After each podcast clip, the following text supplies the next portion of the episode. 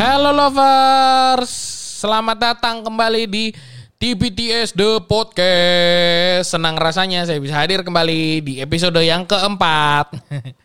Eh, pada episode kali ini saya akan memberikan sedikit update tentang pasar modal kita. Semoga update ini bisa membantu lovers kalian untuk menentukan eh, keputusan investasinya. Sebelum saya mulai episode ini, sekali lagi saya ingin sampaikan eh, untuk eh, teman-teman, untuk lovers kalian, untuk teman-teman sekalian, saudara-saudara sekalian yang merupakan eh, tenaga medis yang menjadi garda terdepan kita dalam menghadapi pandemi COVID-19 ini. Saya ucapkan terima kasih yang sebanyak-banyaknya. Saya doakan kalian semua selamat, eh, sentosa, tidak kekurangan satu apa pun, diberikan kekuatan, kesehatan oleh Tuhan, dan biarlah Tuhan saja yang membalaskan pengorbanan kalian. Dan buat eh, lovers kalian yang masih keluar-keluar rumah, yang masih eh, nongkrong-nongkrong, yang masih ngopi-ngopi cantik, ayolah bos, ikutin lah sekali ini aja, nggak usah nggak usah yang terlalu gimana banget nanti setelah covid selesai, setelah pandemi ini berakhir, setelah semua kondisi kembali kondusif, saya yakin kok kita masih bisa ngopi-ngopi, kita masih bisa nongkrong-nongkrong. Bahkan kalau misalkan pendeka, pendengar podcast ini rame banyak, kapan-kapan kita bisa bikin kopdar. Pede banget gue ya. Oke lovers, eh minggu ini banyak yang terjadi dalam artian eh, berita-berita penambahan pasien COVID-19 masih terus terjadi, berita-berita korban meninggal dunia akibat COVID-19 masih terus terjadi, bukan berita yang bagus karena masih menimbulkan pesimisme pasar gitu kan. Jadi akhirnya pasar modal kita juga bergerak kurang menarik. Selain pasar modal kita yang bergerak kurang menarik, memang secara global eh, investor itu masih memandang pesimis gitu tentang apa yang akan terjadi dan bagaimana perkembangan eh, dunia keuangan ke depannya.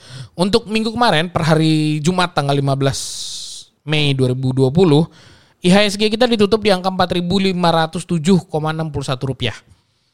Tidak terlalu bagus, tapi mengingat kita kemarin sempat turun di harga 3.900 ya cukup oke lah. Dan IHSG kita ada di posisi sideways, jadi dalam artian tidak uptrend, tidak juga sedang downtrend dengan volume yang ya mediocre, tidak terlalu wah tapi volumenya cukup oke di tengah-tengah menunjukkan bahwa kita memang sedang memasuki sideways dalam artian eh, mungkin banyak investor yang mulai wait and see gitu. Kalau tadinya mungkin lebih cenderung kepada pesimisnya eh, aksi jual gitu, panic panic selling.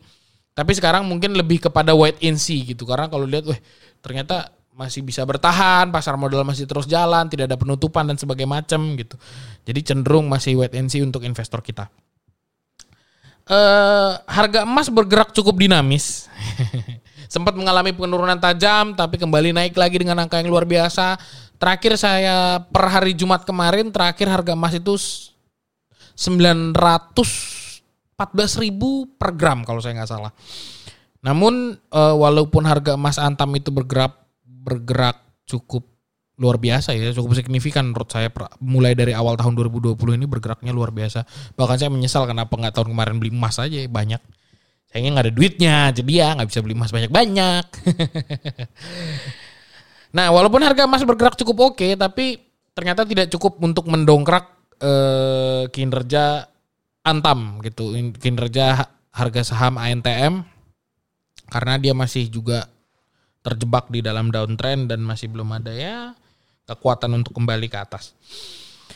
E, masih berkaitan dengan tambang, pemerintah baru-baru ini mengesahkan undang-undang mengenai pertambangan dan mineral. Gitu, undang-undang ini diharapkan bisa membantu eh, pengusaha-pengusaha pertambangan untuk meningkatkan kinerjanya gitu. Jadi diharapkan bisa membantu eh, pengusaha-pengusaha pertambangan ini dalam eh, operasionalnya gitu. Jadi kalau saya nggak salah adalah mengenai kemudahan pengurusan perizinan, pokoknya stimulus-stimulus yang yang yang yang diharapkan bisa membantu pengusaha tambang.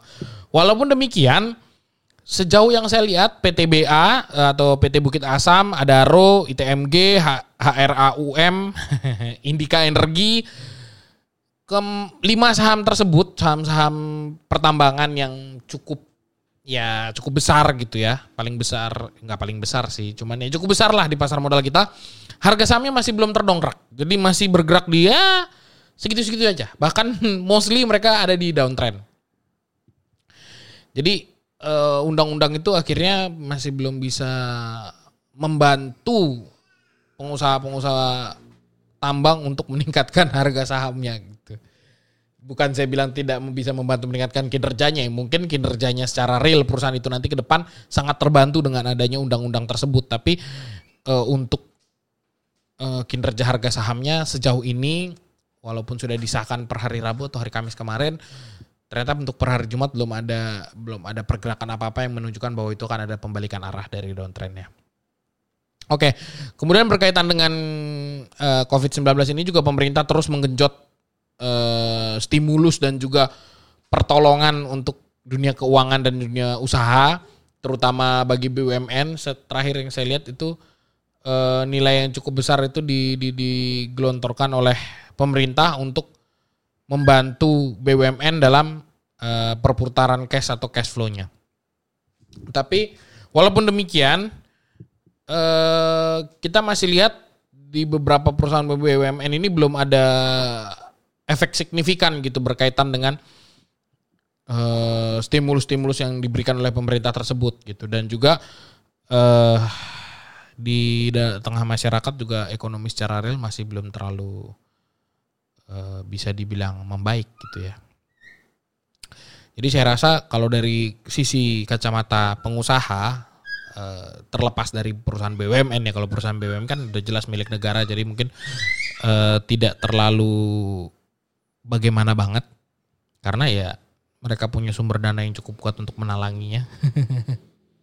Tapi kalau kita lihat dari sisi kacamata pengusaha kan saat ini pengusaha itu butuh butuh butuh stimulus, butuh dorongan, butuh peraturan, butuh undang-undang yang bisa membantu pengusaha untuk bergerak. Gitu. Jadi eh, karena ada COVID, ada pembatasan sosial, ada pengurangan jam buka toko ada eh banyak lah yang akhirnya tidak terlalu menguntungkan pengusaha. Nah itu mungkin harus dibantu, diberikan stimulus, diberikan dorongan, ataupun di, di, di, dibangkitkan lagi gairah marketnya online. Saya lihat online sudah mulai oke, okay. banyak juga teman-teman yang pengusaha-pengusaha yang akhirnya mulai cen, apa terjun ke online, mulai korek-korek online gitu. Itu juga mulai bagus. Cuman untuk bertahan untuk cash flow kayaknya mungkin tidak tidak se sesimpel itu ya solusinya menurut saya gitu kan. Karena apalagi kalau kita lihat banyak teman-teman ya saya nggak menyalahkan bagus gitu lover sekalian yang mulai menggalakkan untuk menyumbang menggalakkan untuk uh, membantu memberikan apa ya bantuan lah untuk teman-teman kita yang kekurangan untuk teman-teman kita yang membutuhkan. Itu nggak salah. Tapi kita juga harus lihat bahwa ada pengusaha yang juga memang mereka saya nggak bilang mereka butuh bantuan, tapi mereka sedang struggling yang cukup berat pasti. Karena kan e, harus menggaji karyawan, sedangkan kalau misalkan karyawan dipecat atau di PHK, dirumahkan itu kan menurut saya pasti akan berlawanan dengan hati nuraninya gitu. Tapi ya mau bagaimana lagi kondisinya yang tidak memungkinkan gitu. Jadi saya rasa itu yang saya nggak bilang mereka butuh bantuan, tapi saya rasa um, perlulah pemerintah untuk mulai uh, memperhatikan gitu bagaimana keperluan dan kebutuhan pengusaha bu.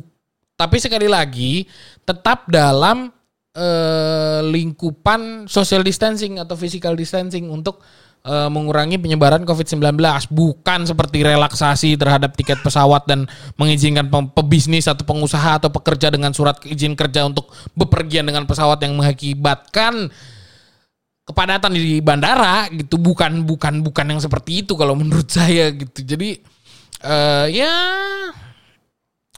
kalian yang dipilih untuk jadi pemerintah kalian dipilih jadi presiden kalian dipilih jadi menteri jadi saya rasa uh, bapak-bapak sekalian yang terhormat pasti sangguplah untuk memikirkannya. Tapi menurut saya solusi yang pasti solusi yang cepat tanggap itu sangat diperlukan. Terlebih lagi pengalaman uh, dari teman-teman dari cerita teman-teman saya yang ada di Surabaya eh, PSBB yang terjadi di Surabaya, saya nggak tahu apa yang terjadi di Jakarta ya, tapi yang dilihat terjadi di Surabaya adalah uh, bukannya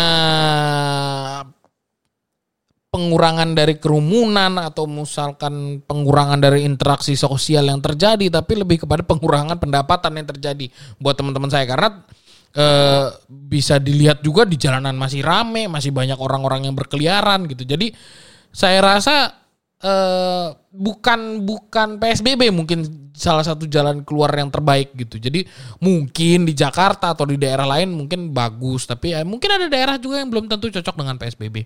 Saya sih bukannya saya kontra dengan PSBB enggak, tapi saya yakin kan setiap daerah, setiap manusia bahkan punya cara, punya treatment berbeda-beda untuk menghadapi segala tantangan yang terjadi dalam kehidupannya. Jadi mungkin treatment yang diperlukan saat ini untuk kota Surabaya mungkin bukan PSBB, bukannya saya sok pintar atau gimana, tapi ini hanya sekedar pandangan.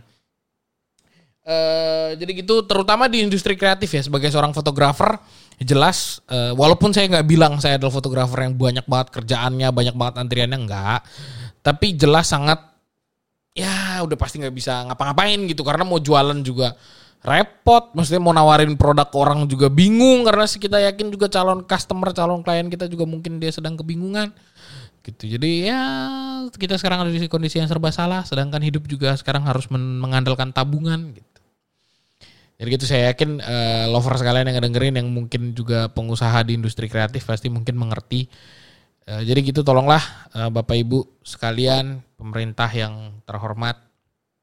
Saya yakin Bapak Ibu diberikan tanggung jawab uh, oleh Tuhan, diamanatkan oleh rakyat Indonesia, diamanatkan oleh masyarakatnya bukan tanpa tujuan dan bukan uh, berarti Bapak Ibu tidak mampu. Saya yakin Bapak Ibu mampu. Jadi marilah uh, mulai bergerak lebih proaktif dengan langkah-langkah yang cukup bagus, cukup signifikan gitu.